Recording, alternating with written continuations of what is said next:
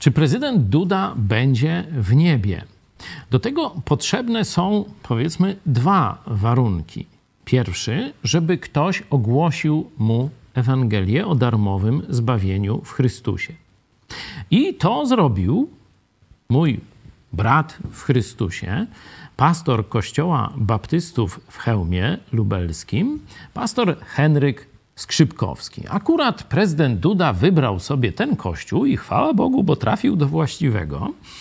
E, żeby go odwiedzić, no pokazując, że tak nie jest tylko e, prezydentem wszystkich e, Polaków, wszystkich Polaków katolików, no ale że też tam od czasu do czasu jakiś ochłap też spadnie protestantom. No i widzicie tu na zdjęciu, jak Henio wchodzi do baptyzerium. Tu normalnie jest tam pełno wody i tu się odbywają chrzty w kościele baptystów i rozmawia z prezydentem Dudą, tłumacząc mu, w jaki sposób można osiągnąć zbawienie.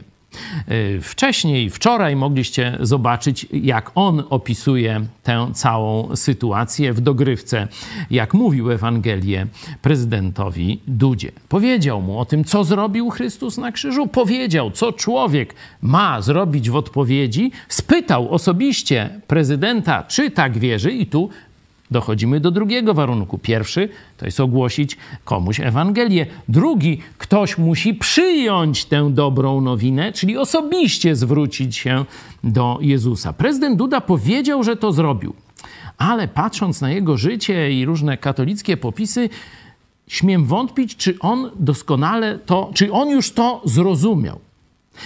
Podsumowując, pastor Skrzypkowski zrobił to, co trzeba. W liście do Koryntian drugim znajdujemy. Dlatego już odtąd nikogo nie znamy według ciała. Czyli nieważne, czy to prezydent, czy kierowca, czy ktoś inny. Mam mu powiedzieć Ewangelię. Henio to zrobił i wielki szacun. Ale teraz musi nastąpić odpowiedź. Twoja odpowiedź, Dudy odpowiedź. Jezu, tylko Tobie chcę zaufać. Wtedy stajesz się nowym stworzeniem. Przeczytaj sobie 17 werset z 5 rozdziału drugiego listu do Koryntian. Jeśli zawołasz szczerze do Chrystusa, to o nowym stworzeniu będą, będzie prawdą o tobie. I czy to ty, czy Duda, czy ktokolwiek inny, kto zaufa osobiście Chrystusowi, znajdzie się z nim w niebie.